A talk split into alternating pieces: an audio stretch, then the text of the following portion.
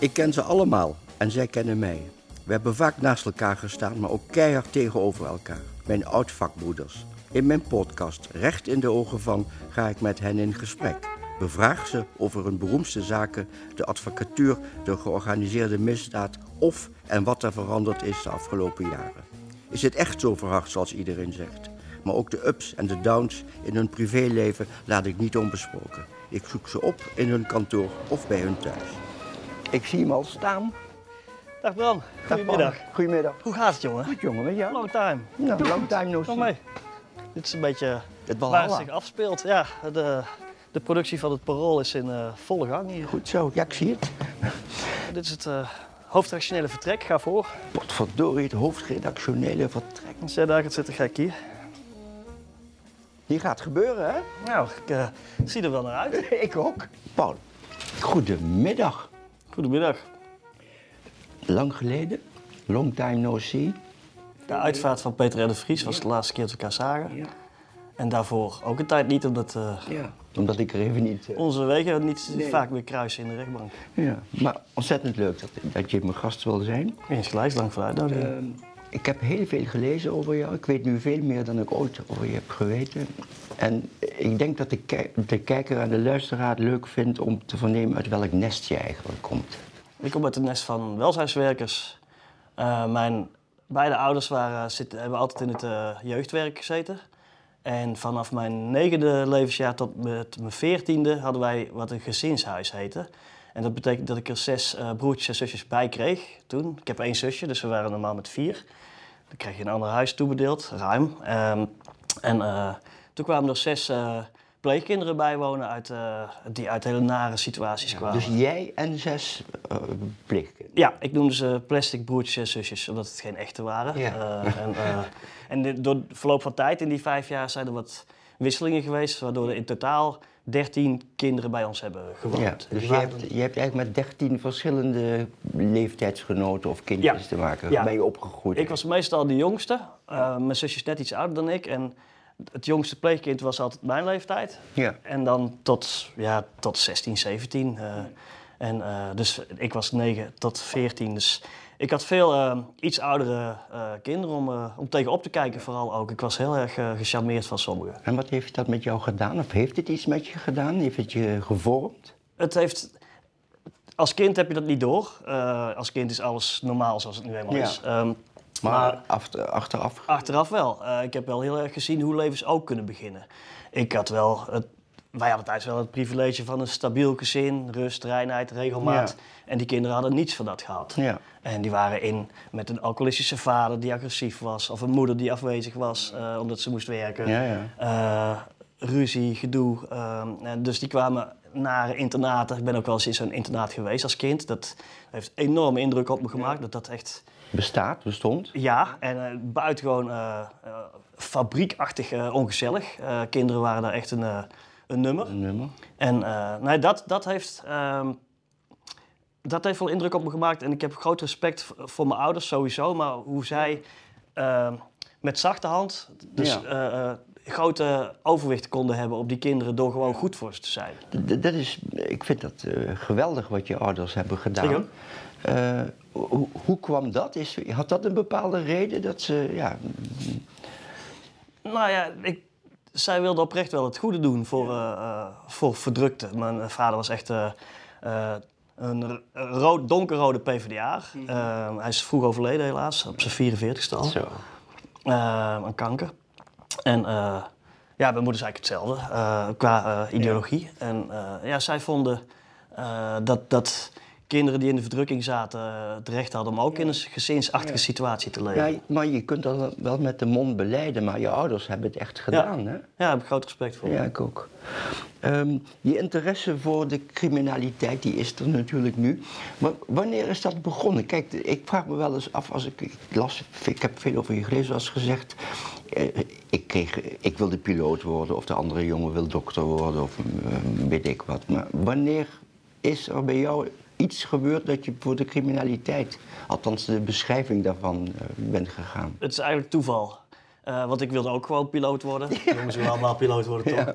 Profvoetballen, dat had ik wel vrij snel door. Dat, dat zat er niet in. Wielrenner. Eh wielrennen en eh, dierenarts heb ik nog even willen worden. Ja, wat je als kind deed. ja, nee, maar daarom. En, ehm, maar dan denk je niet aan de criminaliteit. Nee, en, maar vervolgens was ik eh, in mijn puberteit helemaal niet met school bezig. En eh, ik, had, ik, ik mocht gelukkig van mijn ouders ook... eh, ik had gymnasiumadvies, maar ik was als de dood dat ik alleen maar zou zitten te studeren. Toen hebben ze mij toegestaan naar de HAVO te gaan. Dat zou ik zelf niet durven, denk ik. Maar dat, was, eh, dat paste in hun grote hart. Ja, Eh, anders was ik misschien wel uitgevallen, want ik was echt niet zo'n eh bolleboos. Ik wilde dat niet. Ja, je, je, hebt- je hebt niet voor niks het adviesgymnasium, hè? Dat moet wel. Nee, dat is waar, maar, maar dan moet je ook nog die discipline willen ja, opbrengen. En ik was bezig met, met veel sporten met, eh, en, en langzaamaan. En waar heb, over, welke leeftijd dat is dan het puberteit, zeg maar. Ja, als je op de middelbare school zit. Ineens had ik mijn, mijn HAVO-diploma en ik had niet echt nagedacht over wat dan daarna te doen. In die periode overleed ook mijn vader, helaas. Ehm, eh, en toen, dus ik had niet echt een veloverwogen studiekeuze eh, gemaakt. En toen, ik had in de zomers had ik, eh, in de bouw gewerkt via een oom. Gewoon als opperman heet dat. En opper, dat klinkt als dat je dan de baas bent, maar dat is het laagst. maar sjouwen met stenen. Ja, ja. ik werd ook echt wel wat breder in die, in die maanden dan. Weken, vijf, zes weken. Toen dacht ik, nou, ga ik bouwkunde studeren. Wilde ik naar de HTS, maar dan moest ik eerst op de MTS. Maar ik ben helemaal niet handig, dus daar was ik zo weer weg. Ja. En toen ben ik, omdat je per half jaar kon instromen, HAO gaan doen, economisch. Ja. Maar dat vond ik niet interessant. Nou, en dan, als je echt niks kunt, dan kom je bij de journalistenschool terecht. en, eh, en dan stage bij, eh, de, mijn tweede stage was bij het Parool. Ja. Daar hadden we Bart Middelburg, een bekende misdaadverslaggever, ook een bekende van jou. Eh, en die kon wel wat hulp gebruiken. En die wilde ook wel wat andere dingen doen dan puur die, eh, de, de zware misdaad. Ja. Misschien voor de luisteraar even Bart Middelburg nog neerzetten. Ik weet dat natuurlijk wel. Ja, Bart Middelburg was eh, eh, een hele bekende misdaadverslaggever van het Parool. Een van de eerste ook die voor serieuze media de misdaadjournalistiek ging bedrijven. Ja. NRC deed het ook. Eigenlijk een beetje de eerste op dat gebied. Ja, en Vrij Nederland deed het ook. Ja. Als ik de nette media even zo even... Eh, ehm, en eh, ja, Bart is fantastisch om mee te werken. Omdat zijn geheugen, hij wist vanaf begin jaren tachtig en Ja. eh, dat, alles. En zijn hele, dat weet je heel goed, een hele rustige man. Ja. eh, die niet snel uit het evenwicht Nee. is te duwen. Nee. Dus ik kon goed van hem afkijken Ja. hoe je dat een beetje zou kunnen proberen. En Zo heb ik jou ook leren kennen samen met Bart in het begin. ja, ik weet dat hij artikelen ging schrijven over Klaas Bruinsma. Ja. een cliënt van ons kantoor, Mhm. van mijn vader en van mij. En daar heb ik hem ontmoet. En het is inderdaad, zoals je hem beschrijft, een hele vrij lange man, magere man. Die, eh, die was niet, eh, niet eh, hoe moet je dat zeggen? Was de, de, de rust zelf Ja, eigenlijk. stoïcijns bijna. Stoïcijns, ja. En het, het- de grap is dat het een hele lieve, zachte man is. Ja. Eh, maar sommige mensen dachten dat hij juist een beetje teruggetrokken en Ja, ja. arrogant was. Maar helemaal niet Nee, zo. nee. Eh, en dat weet je ook wel. En, eh, maar goed, dat was wel de tijd. Klaas Bruisman was in het begin niet bekend als eh, crimineel. En als je dan over iemand gaat schrijven... Hij heeft hem op de kaart gezet. Ja, en als, als dan iemand ambities heeft om in de bovenwereld uiteindelijk een positie te verwerven, dan is dat niet zonder risico's.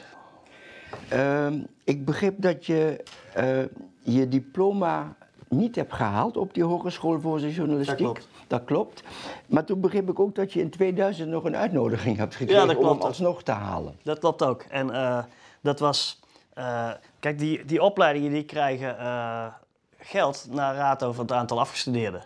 En ik kreeg toen een, eh, een telefoontje en het was echt. Het was dus wel begrepen eigenbelang van Juist, die- ja. Ja, toen- je kunt het ook fraude noemen, maar eh, een poging tot. Want toen werd ik ineens gebeld. Ik, nee, ik kreeg een brief, een uitnodiging voor een eh, diploma-uitreiking. Ja. En ik dacht er helemaal niet bij na. Ik denk, dat is fout. Ik dacht, en Ik een diploma, dacht je nog? Waar komt dat dan vandaan? Ja. En eh, eh, dus toen belde ik en nou, toen was het zo'n gesprekje van, je snapt toch Paul? En toen pas werd ik wakker. Ik zeg, Ja. weet je, maar ik had best wel veel gedoe gehad, omdat ik, ik was naar Amsterdam verhuisd om bij het Parool te werken. Kijk, als je als geboren en getogen Tilburger voor het Parool wil werken, moet je wel in Amsterdam wonen en eh, je verdiepen in de stad. En ik was met veel plezier hier aan de slag al. Ja. Ehm, en Tilburg, Amsterdam. dat gaat natuurlijk niet. En, en, maar ik werkte ook wel meer dan 40 uur in de week, eh, net zoals Ja. jij had gedaan. En, en, en dat gaat niet. Dan Nee. kun je niet s'avonds... Nee. Ik ben één keer, toen heb ik nog voor de avondopleidingen ingeschreven. En het ging allemaal niet met de trein en zo. Toen heb ik die avond ook gezegd, dit was meteen de laatste keer, ik kom niet meer terug. Bye en bye. toen probeerde ik eh, via, omdat ik bij het parool werkte en ik had hier toch maar een contract gekregen en verleend gekregen. Dus hoe gaan we regelen dat ik dat eh, diploma nog binnen eh, haal? Want dat wilde het parool heel graag. Ja, het- ze waren zo moeilijk dat ik op een gegeven moment heb gezegd, weet je, ik hoef het niet. Eh, als het parool mij wel wil en jullie mij niet, ik ben Ja. die opleiding gaan doen om in de praktijk Ja. goed bij een mooi medium te werken. Dus dat kun je misschien een beetje arrogant vinden. Ik was vooral boos eh, dat ze niet wilden meewerken. En toen kwam dus die brief. Ja. Nou, en, en toen heb ik daarvoor bedankt. Toen heb ik gezegd, eh, hou het maar. Ja. Stop er maar daar waar het donker is. Precies. En de grap was nog dat in die tijd een eh, eh, eh, studiegenoot van me, die was bij een ander medium al aan de slag. En die onthulde HBO-fraude, dat, dit zo, dat sommige HBO's dat deden. En iemand heeft nog gesuggereerd dat ik hem dat had ingefluisterd. Ja, ja. Nou, dat is veel te veel eer, dat had hij zelf. Ja, ja, ja, ja. Maar dat werd toen eventjes een... Ja, ja. Ik begrijp wel dat ze dat dachten op dat moment, omdat het zo ja, samenviel. ja, was niet zo. Nee. Leuk. Ehm, je hebt er veel over gezegd, maar ik wil er toch nog even over hebben. Je hebt in de house gezeten. Ja. Eh, kan je eens aan de luisteraar uitleggen wat ik weet ongeveer wat het betekent? Want ik heb veel met Wilders samengewerkt en ik En je hebt zelf ook even... eh, heel even ook het mogen ondervinden. Eh, maar kan je uitleggen wat het, ja, eigenlijk wat het dagelijkse eh, eh, regime. ja, Ja, nou, het is echt een regime. Dus je wordt dan, ik werd beveiligd door de dienst Koninklijke en Diplomatieke Beveiliging, net als Wilders en als jij even hebt eh, gehad. Dat is het zwaarste, de zwaarste vorm van beveiliging die je in Nederland kunt hebben. Dat betekent dat je uiterlijk vier dagen van tevoren je hele agenda moet doorgeven en dan gaan zij dat allemaal regelen. Dat dat, dat je, en dan ben je met een hele ploeg, gepantserde auto's, eh, eh, automatische wapens in het vizier en... voor, Ja. voor hoe noem je dat? Eh, ze komen Ja, kijken waar verkenningen. voor verkenningen. Ja, dus ja. die zijn dan al geweest. Dus overal waar je komt is elke spontaniteit ook eh, eh, verdwenen. Want, ja, het, kijk, en ik, ik heb groot respect voor ze gekregen hoor, voor degene die dat uitvoeren. Ik, ik ook. Eh, dat safehouse was overigens weliswaar op een geheime plek, maar verder prima. Dat, dat, dat, voor het eerst had ik vloerverwarming in de badkamer en zo. Het was riant. Dat, Geweldig. Ja. kijk, en het was, het was nu helemaal nodig omdat een specifieke eh, groep criminelen had besloten mij dood te schieten. Omdat ze wisten, hadden kunnen lezen in mijn artikelen en mijn tour boek, dat ik wist hoe het zat met eh, de achtergronden van liquidaties. Ja. En de overheid wist dat niet. Dus ze waren bang, als ik het zou publiceren, dan eh, zouden ze in groot probleem zijn. En hun oplossing was dan dat ik uit de weg moest worden geruimd. Dus het was eigenlijk een zakelijke beslissing van die groep, niet wraak. Ja. Dat is belangrijk, omdat ehm, na een dat we een half jaar in dat regime zaten, ehm, kwamen via die ontsleutelde eh, berichtjes. Die, ze hebben heel lang veel berichtjes gestuurd en eh, ze waanden zich onbespied. Ze hebben hele dure eh, toestellen waarmee ze dachten dat het wordt nooit gekraakt. Ja. Via die onderschepte berichtjes kwam dezelfde informatie alsnog bij de overheid terecht. Dus de reden om mij dan Op, op jou. om te leggen, die was er niet meer. en dat Toen brengt- ben ik gaan knokken om, om er weer uit te Ja. mogen. Want dat is nog niet eenvoudig. Er moeten heel veel mensen de moed hebben om daarmee in te stemmen. En dus, want ik had hier ook opgeschreven dat je eh, op eigen verzoek bent afgeschaald, Ja. zoals dat heet. Maar je hebt me eigenlijk al antwoord, want ik wilde vragen, maar ik vraag het toch maar. Eh, wat bracht jou ertoe om op eigen verzoek te gaan afschalen, die, die beveiliging? Maar als ik je goed begrijp, dan is dat omdat de informatie die, waarvan ze vonden dat die gevaarlijk bij jou was en reden om je ja, eh, Dood te schieten. dood te schieten, dat die toch al was vrijgekomen bij de overheid. Zonder mijn betrokkenheid. Zonder je betrokkenheid. Ja. En dat daarom, ja, je, je dacht, ik kan weer vrij eh, over Ja, straat nee, ik gaan. dacht, als er ooit een argument komt om die beveiliging af te bouwen, als, als de primaire reden waarom ze me wilden doodschieten is vervallen, Ja, ja. dan blijft er een restrisico over. Eh, en de staat wil het niet. Hè. De staat wil het liefst zeker voor het onzeker Ja. nemen. Maar ik dacht dan, hoe ga ik er dan ooit uitkomen? Want eh, mijn eh, fantastische vriendin, inmiddels vrouw en ik, we konden er wel goed mee omgaan, maar je wilt zo niet leven. Niet duurzaam. En we hebben vanaf dag één waren we bezig met de laatste dag. Hoe komen we hier vanaf? Ja. En je weet dat mijn grote verdriet is, zijn er wel collega's onder wie John van der Heuvel bijvoorbeeld, die er al heel erg lang Ja. in zit. Nou, hij is ook bij je te gast geweest, je Ja. hebt het erover gehad. Eh, dat is al vijf en een half jaar. Ja. Eh, dat is veel te lang. En, En het verschil is, denk jij nu, dat is wraak. Eh, En bij jou, voor zover ik dat weet. voor zover je dat weet, ja, natuurlijk, eh, is zo. En bij jou was het, ja, Een zakelijke een beslissing. zakelijke beslissing. Ja, en ehm, ja, dat, maar goed, die kogel wordt er niet eh, gevaar- Nee. ongevaarlijker door. Nee, ik, ik heb gelezen ook dat je op een heel op, op een maandagochtend, het regende en je had je vriendin nog niet alles verteld. Mhm, Niet het fijne, niks. En die moest in een regenpak naar buiten toe. En toen hoorde ik jou vertellen als het ware, want het is wel bijgebleven bij mij. Ja, die kerels zien misschien niet dat mijn vriendin nu naar buiten komt, maar ze denken misschien dat ik, eh, Ja. dat ik naar buiten kom. Ja, en kunnen dan overgaan tot wat ze van plan zijn. Dat was heftig. Toen Dat ik was- het las, was het heftig. Ja, en toen ik het meemaakte was het ook. Kreeg ik kippenvel van. Dat was de eerste keer eigenlijk. Kijk, ik, ik had hele goede informatie vanuit de onderwereld gekregen over dit plan. Iemand heeft mijn leven willen redden en dat ook gedaan. Ehm, omdat iemand te, te gek vond om iemand dood te schieten om, om zijn werk. Ehm, maar het was, er was steeds wel weer een reden om te denken dat het die dag nog niet zou gebeuren. Want de, informatie was dan, ze zijn bezig, maar ze zijn er eerst nog iets anders aan het doen. En, maar inmiddels werd het steeds spannender. En toen kwam die dag. En eh, mijn vriendin is een prachtige blondine, dus wij zijn niet te verwarren. Eh, Kaal. Maar Nou, met, een regenpak, met een regenpak aan, eh, wel.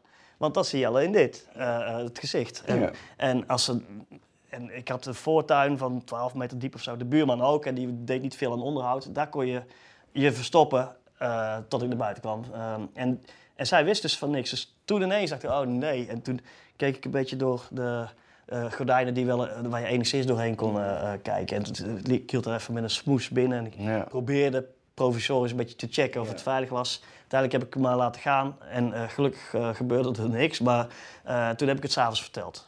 Eh. En wat er allemaal speelde en dat het niet ondenkbaar was dat we op eh, eh, korte of middellange termijn het huis zouden moeten verlaten. En, en die prachtige blondine die, eh, zo heb ik begrepen uit de interviews die je eerder hebt gegeven, die, eh, ja, moest, die stond er 100% achter. Hè? Die heeft Ja. er geen punt van gemaakt. Ja, ze zal het verstand niet leuk hebben gevonden, maar je Nee, hebt veel steun, veel steun ook gehad van. Ja, zeker. Eh, dat is cruciaal. Wij hebben geen kinderen, dat kwam goed uit. We wilden nooit kinderen, maar nu kwam het extra goed uit vanwege deze situatie. Want dat was nooit ingegeven door mijn werk of zo, dat we geen kinderen wilden. Ehm, en dat, dat maakt het makkelijker om je te laten verslepen naar een safe house. En, eh, en nou ja, zij is gewoon, ze is cool, ze doet het niet, ze is het. Eh, dus zij is heel rationeel. En zegt, ja, dit is dan misschien een eh, consequentie van het werk dat je doet. En laten we hopen dat het overgaat. En tot die tijd maken we er het beste van. En voor mij, kijk, dat weet je ook, ik werd letterlijk als de koning vervoerd. De koning wordt door dezelfde ploeg vervoerd. Dus ik werd opgehaald, ik werd de hele dag begeleid. Files, hoep, hop. Sirenes aan. Ja, en, eh, dingen. dat heeft zijn voordeel. En zij mocht het eh, fixen met een stuk fietsen. We hadden ook nog de slechtste tijd van het jaar, eh, van Ja. oktober tot... Oh, tot de donkere dagen. Ja, dus zij moest een stuk op de fiets, dan een trein, nog een trein. en Schrikkelijk. ja. Eindeloos. Dus ik voelde me ontzettend schuldig. Maar ja, zij zei, ja, ja dat- het slaat nergens op om je schuldig te voelen. Je- dit, is, dit overkomt ons en eh, we, sla- we slaan ons er wel doorheen. Goed wijf, als ik het zo, Zo is het. ondiplomatiek mag zeggen. Ja, nee, dat, dat- die term past wel. Ja. Ehm, is het toen ooit bij je opgekomen om te zeggen, weet je, ik ga bekendmaken dat ik eh eh, ermee kap, ik hou op met de journalistiek, ik word advocaat of officier of weet ik wat, maar ik ga Nee. ermee ophouden, dat dat een uitweg was. Nee, eh, nee dat, ik heb dat echt... En niet omdat ik stoer ben, want ik ben niet stoer, maar gewoon omdat ik dat...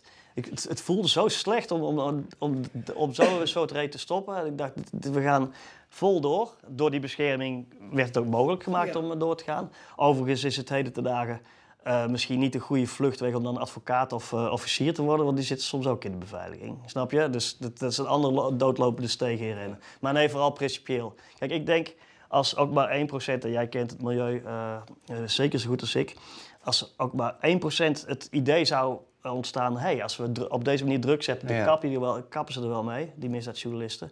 Dat is levensgevaarlijk. Ja. Nee, maar je zou kunnen zeggen, egoïstisch geredeneerd van, ik, Paul Vught, hou ermee op. En dat ze dan vervolgens denken dat je die journalisten kunt beïnvloeden, dat zou jou dan aan je, je Ja. weet wel roesten. Nee, maar ik, Ja, ja, zo zou je kunnen. Zo heb ik niet gedacht. Nee. Het is me door het parool en door de uitgeverij eh, heel goed mogelijk gemaakt om eh, door te functioneren. En door de beveiliging allereerst Ja. natuurlijk. Eh, en ehm, ja, ik, ik, ik had zelfs een beetje de afspraak om eh, nou ja, zo vaak mogelijk zeg maar, letterlijk op de voorpagina te staan. Om te laten zien, we zijn er Ja, nog. Snap je? Ja. En collega's die in dezelfde situatie zitten, die doen dat ook. Ehm, en ik gun het die. Kijk, als een andere collega anders zou beslissen, dat, dat zou, ik volledig begrijpen, begrijpen. Maar nee, ik voelde het echt heel erg zo, dat ik, dat ik door wilde gaan. Dat is een onderdeel van mijn leven. En, eh, en dat, eh, ja, mijn vriendin heeft ook altijd gezegd, dat, dit, dit, hoort, dit is bij jou. Ja, en, ja. en ik kan ook niks anders trouwens. Nee. nou, dat weet je niet. Ehm, als je de misdaad, dank je voor dat eh, openhartige antwoord allemaal. Als je de misdaad vergelijkt eh, nu, hè, 2023, met pakweg 30 jaar geleden, wat ik dan even de ja, oude jongens krentenbootcriminaliteit noem. Was het ook niet, maar Nee. toch anders. Eh, wat valt je dan op? En dan denk ik meteen eigenlijk dat ze jonger zijn. Ja, ja dat, dat is een beetje. Ik heb het zo vaak gezegd dat het misschien een beetje cliché wordt. Maar toen ik begon was ik een twintiger en ik schreef over veertigers of ouder. eh, de criminelen. En nu ben ik zelf een, eh, dik in de veertig. Ik ga richting de vijftig en dan schrijf ik over twintigers. En dat, dat, het gemak waarmee hele jonge jongens zich laten werven. Niet alleen om drugs uit de havens te halen, maar ook om betrokken te zijn bij liquidaties. En eh, bijvoorbeeld overwegen mij dood te schieten. Dat, dat gemak en het, het grove geweld tegen de bovenwereld. Nou, we kenden allebei Peter R. de Vries heel goed. Die is helaas eh, eh, doodgeschoten. Verschrikking. Een advocaat, Dirk Wiersum, is doodgeschoten. De broer van de kroongetuige. Een misdaadblogger, Martin Kok. Dat is echt nieuw. Dat extreme, excessieve geweld, Ja. waar niemand iets mee opschiet. Ja. Wat, moet zijn, dat, wat ingegeven is, waarschijnlijk eh, door wraak op de kroongetuigen in die laatste de, gevallen. Ehm, dat, dat, is, dat is wel nieuw. Kijk, ik wil het zeker niet vroeger, eh, doen alsof vroeger alles beter was. Nee, er waren ook wel harde eh, figuren. Maar, en ook in de tijd van Bruinsma waren er liquidaties. Ja. En, eh, hij was natuurlijk onschuldig volgens jou, denk ik. Maar, Altijd. Nog steeds. Maar- Ehm, en hij is zelf geliquideerd, niet te vergeten. Ehm, maar die roekeloosheid en dat een automatisch wapen in je handen laten drukken en daarmee gaan vuren terwijl je geen idee hebt hoe dat ding werkt. Nee, kijk, als ik, wat ik van, van nu van de buitenkant zie is als in de tijd van Bruinsma en consorten iemand eh, op de dodenlijst kwam te staan, dan was dat altijd omdat hij was geript. Hè, Ja. Of het was. Zat altijd verraad, wel. ja. Of verraad. Is twee, of een economisch eh, Ja. motief of verraad. Nu denk ik wel eens, je hebt verkeerd gekeken naar de vriendin van zo'n meneer en, en eh, je- er wordt ook opdracht gegeven. Nou ja, dat, eh, of iets, iets Of eh, iets dergelijks. onwelgevalligs ge- gezegd Ja. of geschreven. Ja. Ja. nou ja, dat, eh, of je staat, zoals advocaat en eh, Peter, eh, Ja. de kroongetuige Ja. bij. Ehm, en omdat je vindt dat een kroongetuige ook eh, en diens naast Ja. ook eh, een verdediging dan wel steun eh, verdienen. Eh, ja, dat is super heftig. En ik hoop dat we nu in, een, in deze jaren dat, dat het in een dieptepunt zitten, dat het ten goede zou keren. Maar dat zullen we zien. Dat zullen we zien, moeten we afwachten.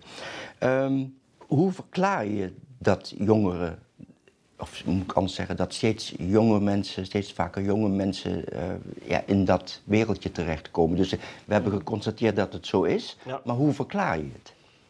Ik denk dat er heel erg veel eh, jongens en jonge mannen zijn die denken dat ze in de rest van de maatschappij geen, eh, geen legitieme kansen eh, krijgen en zich makkelijk laten verlokken door het grote geld. Was dat vroeger anders dan bij die jongeren, denk? Ehm, ik denk dat vroeger de organisaties ook ouderen wierven.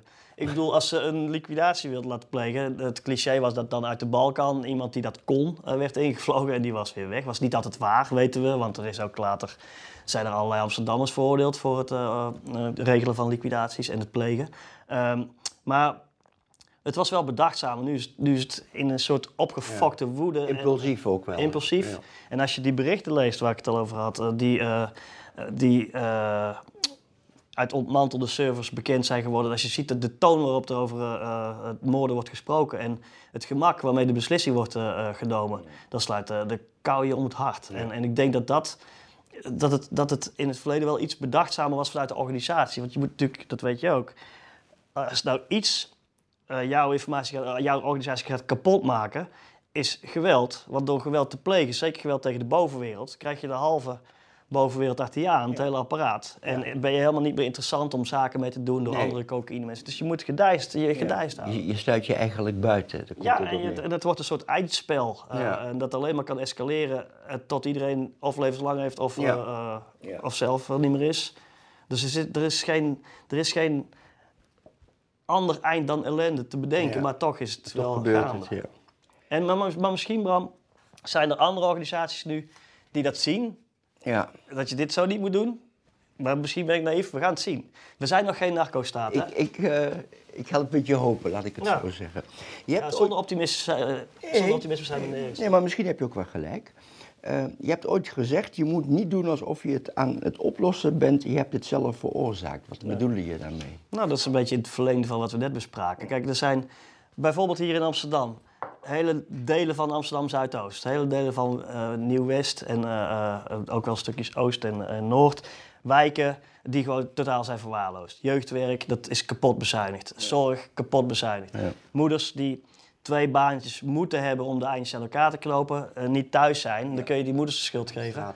En die kinderen op straat. Uh, uh, kijk, en ik zeg niet, dat moet ik er altijd wel even bij zeggen, want anders klinkt het een beetje naïef. Ik zeg niet dat, dat, dat je met preventie overal bent. En het is zeker ook zo dat als jij als begin twintiger of eind tiener een overval pleegt, ben je een klootzak. Punt uit. Alleen, hoe ben je zo gekomen? Waarom heb je zo makkelijk die... Ik denk dat het wel echt, echt meespeelt dat, dat er heel veel voorzieningen zijn kapot bezuinigd, jeugdzorg. En, uh, en dan, als ik dan uh, de, sommige meer rechtse uh, politici roepen van wij gaan alles oplossen, we gaan harder straffen. Mm -hmm. Ten eerste, dat weet jij, in Nederland wordt al hard gestraft. Ja. Maar ten tweede, dan doe je alsof je met harde straffen alleen de problemen oplost, terwijl je ze mee hebt veroorzaakt ja. door al die kabinetten die we gehad hebben. Het is interessant. Kijk, mijn vader, daar heb ik het vak van geleerd, maar ook meer van geleerd, die zei altijd, intrinsiek slechte mensen bestaan niet. En als ik jou hoor praten, dan zeg je eigenlijk in andere bewoningen dat intrinsiek slechte mensen niet bestaan. Ja. Hè? Want ze worden door de omstandigheden ja. zo. Dat denk ik. Ja, en dan ben ik niet zo'n wijze man als je vader, maar uh, toch is het wel iets wat ik zie in de afgelopen 25 jaar. Nou, je hebt in ieder geval ook je hebt in ieder geval de ervaring van mijn vader ook intussen. Um, maar zit er niet iets ook tussen de oren waarvan je denkt, kijk, ik heb dat vak ook heel lang gedaan, hè, iets van 35 jaar. En ik weet niet of het waar is dat geen intrinsieke mensen bestaan. Dus begrijp je wat ik bedoel? Ja, ja. Ik ben ook wel rotzakken tegen. Je kon je wel zeggen, ja, die was geen rotzak, maar. Nee, nee, nee. Kijk, ik, ik, ik ben niet zo naïef te denken dat. Maar rotzak hebben dan, die zijn vaak hebben ook allerlei stoornissen en zo. Ja, dan zit je nog steeds met hetzelfde. Dat weet maar, maar, nee, maar wat, en wat ook wel waar is, is dat uh, al dat extreem materialisme. Uh, dat, dat jongeren ja. zo snel makkelijk geld willen verdienen en er geen moeite voor Het is niet altijd de moeilijke jeugd. Dus dat, nee, maar dat, dat, dat, dan heb, ben ik ook niet duidelijk geweest, denk ik. Want dat, ik bedoel dat als jij uh, je mengt in die cocaïne-business uiteindelijk en je, je hebt het gezien dat het en je bent bij zinnen. En... Bij zinnen, dan ben je gewoon een klootzak. Uh, want het extreme geweld het maakt zoveel kapot. Iets, maar ik zie voor me dat een hele grote groep jongens... Het zijn toch vooral jongens en jonge mannen nog ja. steeds. Uh, het feminisme is niet ver opgeschoten nog in het milieu. Uh, maar uh, die, die, jongens die, die, van, die het rechte of het foute pad ja, ja. zouden kunnen kiezen op cruciale tijden van hun leven uh, mede de verkeerde keuze maken. doordat ze in een wijk wonen, in een omgeving ja, ja, wonen, dat... waarin ze denken, dit is verreweg de makkelijkste manier, maar dit zou ik, ik zie de andere manier nog niet. En als ze, mensen toch verwachten dat ik een klootzak ben, dan word ik ook die keuze dan maken, ja. Uh, duidelijk. Uh, zou je rechter kunnen zijn? Ik weet niet of ik daar slim genoeg voor ben. Ja, wel, dat ben je. Want ik, ik, ik, ik, ken, ik, ik ken rechters die minder verstand hebben denk ik dan jij. Maar dus, dus dagen laten even, want dat zit wel goed bij jou. Maar zou je het, zou het kunnen? Nu, nu denkend van wat je allemaal hebt gezien en meegemaakt. En... Het zou wel, ik zou het wel een hele mooie baan vinden om proberen rechtvaardig te oordelen over een feitencomplex met zoveel verschillende invloeden altijd en zo. Dat denk ik wel. Uh, maar zoals ik ook wel eens denk van wat zou ik doen als ik geen journalist uh, zou zijn, zou ik misschien in de, het spoor van mijn ouders uh, volgen. Dat kan ook. Ja, zeker. Uh, maar dat is ook een beetje arrogant. Dat kun je ook niet zomaar even doen. Dan moet je ook gewoon een, een stevige basis en opleiding vervolgen. En, en, een bepaald mens voor zijn. Een ja. goed mens voor zijn. Ja, dat durf van mezelf wel te zeggen. Als ik die arrogantie mag, ja. mag permitteren. Je bent niet zo arrogant dat je zegt, ben ik slim genoeg om rechter te zijn. Maar wel dat je een goed mens bent. Ik oh, dat ik van denk, ben je, je bent geen slecht mens. Ik, ik, ik, denk dat je beide bent. Uh, advocaat of officier van justitie? Poeh. Oh, dat vind ik heel moeilijk, want... Daarom stel ik de vraag. Ja. En je hebt een ex-advocaat tegenover je. Ik denk dat ik eerder advocaat zou zijn nog. Waarom? Uh, omdat omdat uh, het machtige apparaat dat de staat is, uh, zoveel power heeft, heeft in te zetten. en een verdachte die zonder kennis van van het recht, nou, ik denk harder iemand nodig heeft om de zaak te bepleiten dan officier. Al vind ik wel moet ik het dan aan, aan de andere kant bij zeggen. Ehm, als je de klassieke eh, taak van de officier ziet als waarheidsvinding, het puur zoeken naar de waarheid, dat zou ik wel aantrekkelijk vinden. Ja. Maar we weten ook dat het soms zo zuiver ook niet precies is in het hele apparaat. Dat, eh, en dan, dan denk ik, eh, zou samen met een verdachte vechten voor rechtvaardigheid, eh, los van dat die verdachte soms ook schuldig is. maar, goed, dan maar krijg- dan kan je ook rechtvaardig werk doen. dan doe, je, dan doe je wat je kunt. En, dan, eh, ja, en elke advocaat krijgt het dossier dat hij verdient, zeggen sommige van je oud-vakbroeders. Op, daar moet ik even over nadenken. Nee, ik plaag wel eens iemand die bijvoorbeeld... Dat is een hele goeie, dan is iemand een hele goede advocaat, maar krijgt weer een klant levenslang. En dan, dan maak je daar grapjes over. En dan zegt diegene, ja, het moet ook bepleitbaar zijn. Zeker. Eh, over advocaten gesproken, wat vind je van, eh, ja, ik noem het maar de huidige lichting? Zo, zijn daar eh, uitschieters? Nou, het is heel divers, geen namen te noemen, mag wel. Nou, maar ik, ik denk dat het niveau van de advocatuur Dat nog steeds wel hoog is. Ik Ja? denk wel dat het goed zou zijn als de advocatuur het eigen nest soms zou uitmesten. Eh degene die willens en wetens... eh, en dan heb ik het uitdrukkelijk niet over Ines Wesky voor, dat, want die heeft nu een strafzaak tegen zich Ja. lopen. Ehm, ik vind dat het eh, veel gezonder zou zijn als de advocatuur strenger voor zichzelf zou zijn als geheel. Eh, de strafadvocatuur heb ik het dan over. Eh, maar ik denk dat, dat er op hoog niveau eh, ehm, wordt, wordt gewerkt. Zeker in die grote complexe zaken is het ontzettend moeilijk. Ehm, wat ik wel naar vind is, de, de, de sfeer is natuurlijk verziekt, verhard. Zeker die enorme zaak, liquidatiezaak Marengo, Ja. rond van Tachje en alles eromheen. Ja, eh, dat is daar, het is allemaal zo verbitterd en, en hard. Het is de overtreffende trap van ongezellig, laat ik het Ja. maar zo zeggen. Als eh, wij Zuiderlingen, we houden van bepaalde Zeker. omgangsvormen en gezelligheid. Ehm, nou ja, Die zijn ver te zoeken, daar heb ik begrepen. dat is echt ver te zoeken. Dat, Ja. dat, de temperatuur is altijd onder nul. En, eh, en als er dan weer zoiets verschrikkelijks gebeurt als de moord op Dirk Wiersum... of de moord op Peter R. de Vries, de moord op de broer van de kroongetuigen... da- dan, dan voel je die schok door iedereen gaan. En, en iedereen staat toch, toch wel een beetje eh, even uit het lood. En even aan de adem te snakken. eh, wat gaan we nou nog weer krijgen? Eh, dus dat... Het is, de omstandigheden om in te werken zijn zowel voor de advocatuur als de officieren als eh, journalisten wel moeilijker in die grote zaken. Ehm, je mening over Wesky, ik moet je dat vragen, want anders begrijpen de luisteraars niet waarom ik je dat niet vraag. Maar heb je daar, laat ik het anders vragen, hoe ben je, met die, hoe ben je daarmee omgegaan als journalist met die aanhouding? Nou, Dat vind ik wel een goede vraag, omdat het heel ingewikkeld is. Kijk, Ja. ehm, eh, net zoals jij ken ik eh, Ines heel lang. Ehm, en ik eh, respecteer haar wel, de manier waarop ze het doet. En we hebben bij het koffieapparaat ook wel... sommige mensen denken dat zij een beetje grimmig is, maar zij is ook heel Je gezellig. moet er een beetje kennen. Ja. Een aardige vrouw. Ehm, maar ze is wel in een hele nare situatie terechtgekomen, hoe je het ook weet of verkeerd. En eh, dat iemand op haar leeftijd met haar staat van dienst in de bak belandt en haar kantoor wordt doorzocht en een huiszoeking. En eh, dat is buitengewoon heftig. Los van het, wat, dat we nog niet weten wat nou Nee. precies de berichten zijn die tegen haar worden Nee. ingebracht. Eh, dat zijn ook weer van die versleutelde berichten. Ehm, maar ik vind het wel, ik vind het hoe dan ook een drama, omdat het. ehm, eh, het lijkt er erg op dat zij onder e- enorme druk heeft gestaan. Maar dat, dat kunnen we ook niet geheel overzien. Dus we moeten niet, genoeg, niet, niet dat allemaal proberen in te vullen. Eh, maar daar waar eh, sommige mensen binnen de opsporing eh, heel erg vrolijk waren op de dag dat zij werd gearresteerd, vond ik dat op zijn zachtst gezegd ongepast. Ik begreep het niet. Nee, ik begrijp wat je zegt, ik ben het ook mee eens. Maar ik hoef niet je mening te hebben over schuld of onschuld of weet ik Ik, of eh, weet druk. Dat weet ik, nee, dat precies. Maar interessant is hoe je daar als journalist mee om bent gegaan. Ja, dat snap Dat ik. wil ik graag weten. Ja, en dat is gewoon, ja, eh, helaas toch gewoon keihard publiceren over wat ik weet. Eh, samen met mijn eh, bevriende collega Wouter Lammans, met wie ik eh, eh, samenwerk.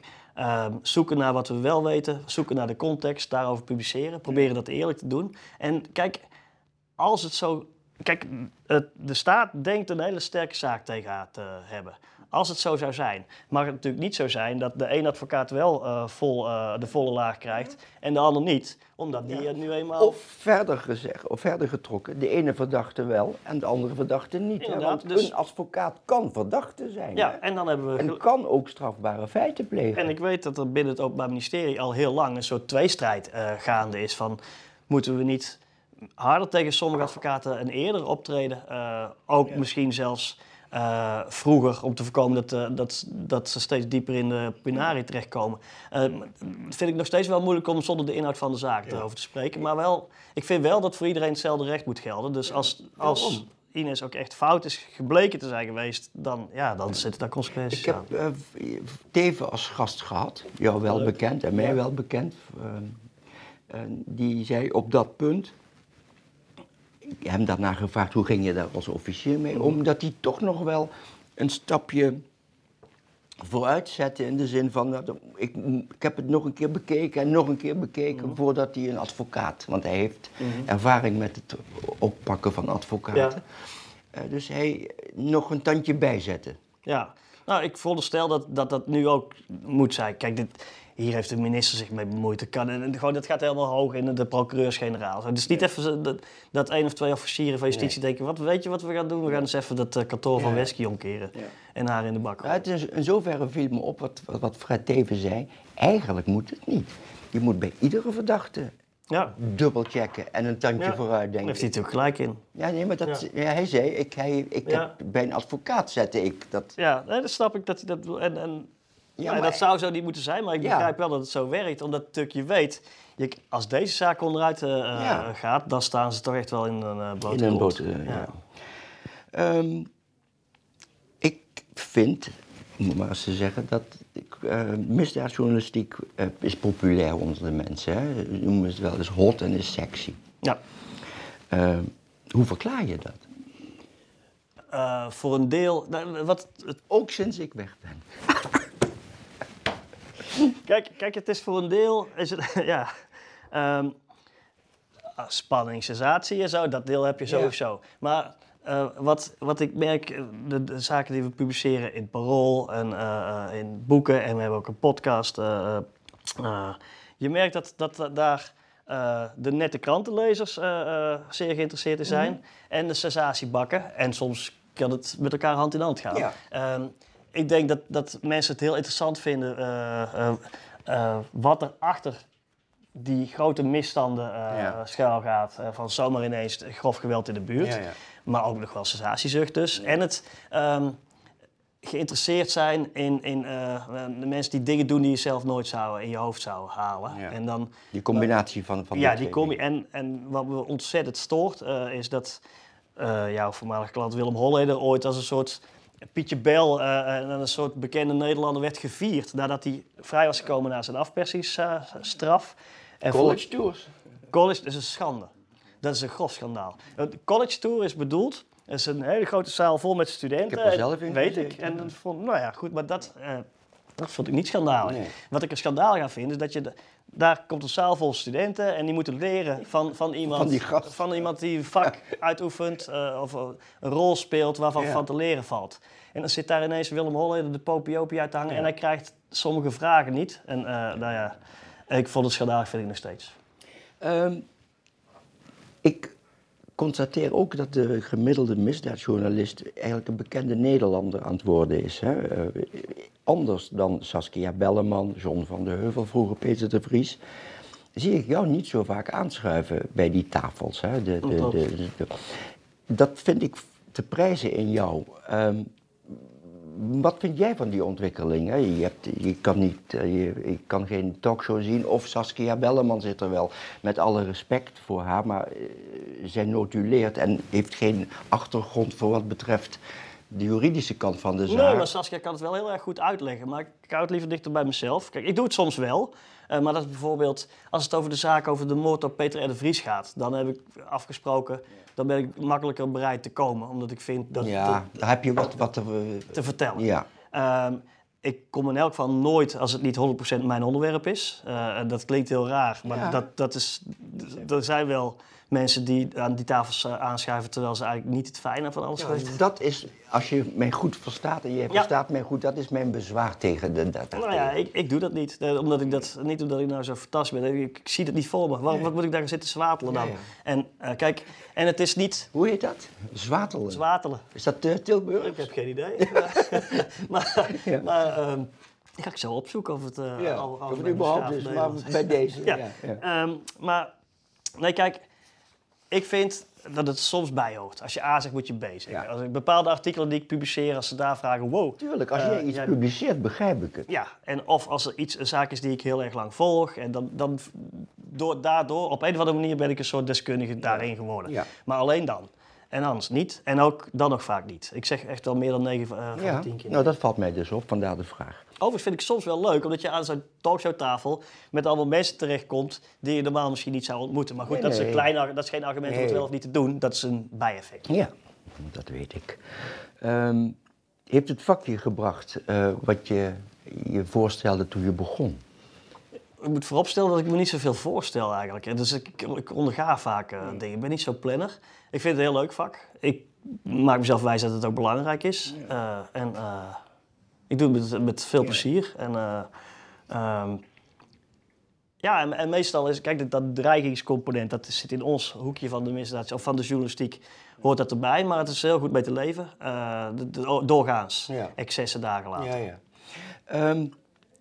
Is er een bepaald verhaal of een gebeurtenis die je bijblijft, die je niet zal vergeten? Een zaak, in, iets wat er gebeurd is, los van de dreiging even. Ja. ja, en misschien los van liquidatie Marengo, waar ik het al lang over heb gehad. Ja. Met al die mensen die ik gewoon zelf ken. Het is altijd natuurlijk, ook, al, ook als het criminelen zijn, als je iemand goed kent, Ja, of redelijk, en die wordt vermoord. Je kent het ook, dat is heel... Ja. Dat is, nee, maar het, het, kan, het kan ook iets, iets kleins zijn. Ja, nou eh, kijk, en ik zal nooit vergeten dat ik hier pas net werkte bij het Parool. En toen was in het Stedelijk Museum, had een verwarde man de cathedra eh, kapot gesneden. En, eh, staat mij bij nog. Zo'n ja. monochroom, groot blauw eh, eh, eh, doek. En die had dat eerder al een andere schilderij vernield. Who is Afraid of eh, Rain? Begin. Ja, ver- ja, precies. En, ehm, eh, en toen was ik een tijdje bezig geweest, kan ik achterhalen wie die man was? Want die was wel gearresteerd, maar al snel weer op vrije voeten eh, gesteld. Ja. En uiteindelijk, eh, ik had ook briefjes in de buurt verspreid en waar ik dacht dat hij woonde. En uiteindelijk kreeg ik hem aan de lijn eh, en toen, en hij klonk ook heel bedompt en... en toen zei kan ik u nu spreken? Nu. Kom ik nu naar u toe? Ja, ja, ja, dat was goed. Dan ben ik met een noodgang, iemand die goed de weg wist in dat buurtje, heeft me gebracht. Dan sprong ik uit die auto. En toen belde ik bij hem aan. Eh, en toen deed zo'n grote man ook met verward, verwilderde haren. En, en zijn ogen stonden ook een beetje... Was hij op de vlucht op dat moment? Nee, hij was, nee, hij was, Hij was gewoon- vrijgelaten. Hij was, hij was nog niet gevonden, denk ik. Of hij was al geschorst. Weet ik ook gezegd niet. Ja, hij maar was goed, hij was legaal op vrije voeten. Weet ik niet per zeker. Maar eh, Ja. ja. als ik hem kan vinden, moet de politie hem ook kunnen vinden. Volgens mij was hij Nou, legaal dat- dat zeg je nou Ja, zo. Ja, maar toen nog, ik was niet zo ervaren.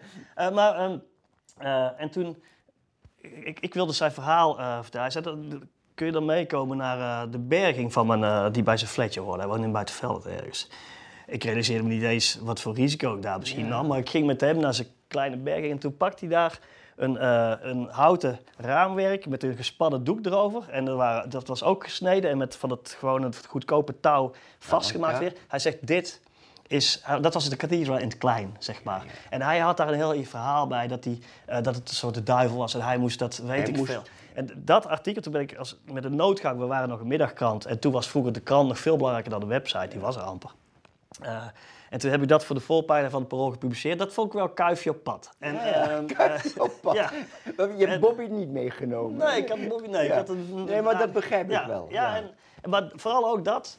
En ik had toen ook een zinnetje, dat, want hij viel soms een beetje weg. En toen met zijn hoofd zo half tegen zo'n stelling die in zijn bergen stond. En toen had ik een zinnetje bedacht van hij zoekt steun, maar vindt geen houvast. Dat vond ik poëtisch. Ja. Maar goed, dat verhaal denk ik altijd, dat, dat staat helemaal los van Ja. zware misdaad. Nee, maar, maar- dat, nee, dat zal ik nooit meer vergeten. Omdat Ik, het, ik denk dat dat ook eigenlijk de kern van je vak is natuurlijk. Hè? Dat, Ja. dat, je, dat je iets gaat uitvinden of iets gaat ontdekken wat nog niet En het ging bekend is. super snel en het was in het had ook Ja. half Nederland stond van op zijn kop van het gebeurde, Ja, niet zozeer van mijn ja. stukje. Nou. Eh, dus ik kon daar wel weer een hoofdstukje aan toevoegen. Dat, ja, vergeet ik niet meer. Is er een leven na je journalistieke leven? Je hebt geen idee. Nee? Nee, ik, Hoe lang ga je door nog? morgen nog en daarna zien we verder. Zo leef jij echt, hè? Ja, ja.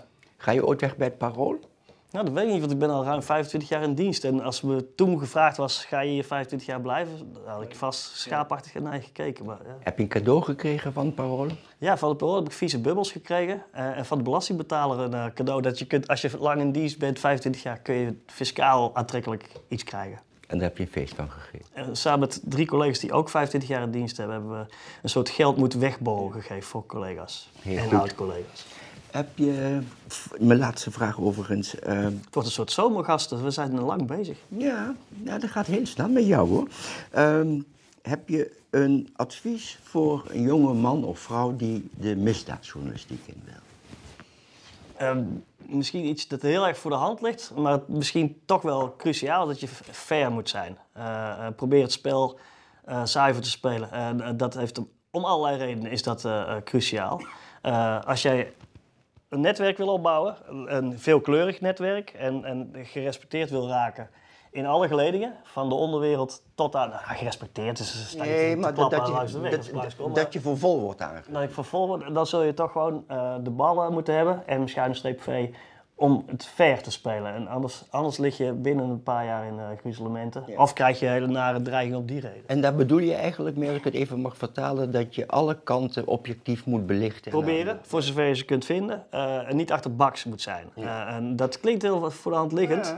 Eh, en, maar je ziet, al diegenen die het lang volhouden zijn ook zo. Laat ik zeggen dat ik ervaringen heb met collega's van jou die ik ronduit achterbak zou willen noemen. Ik ben niet gekomen om over collega's te praten. Nee, dat weet ik. Dat is ook een opmerking van mij. En daar eindig ik het mee. Dankjewel. Graag gedaan wel. Heel leuk. Dat was leuk. Ik ook. Wie zou jij willen horen in mijn podcast Recht in de Ogen van? Laat het mij weten op crime.telpanetwork.com. Voor nu bedankt voor het luisteren.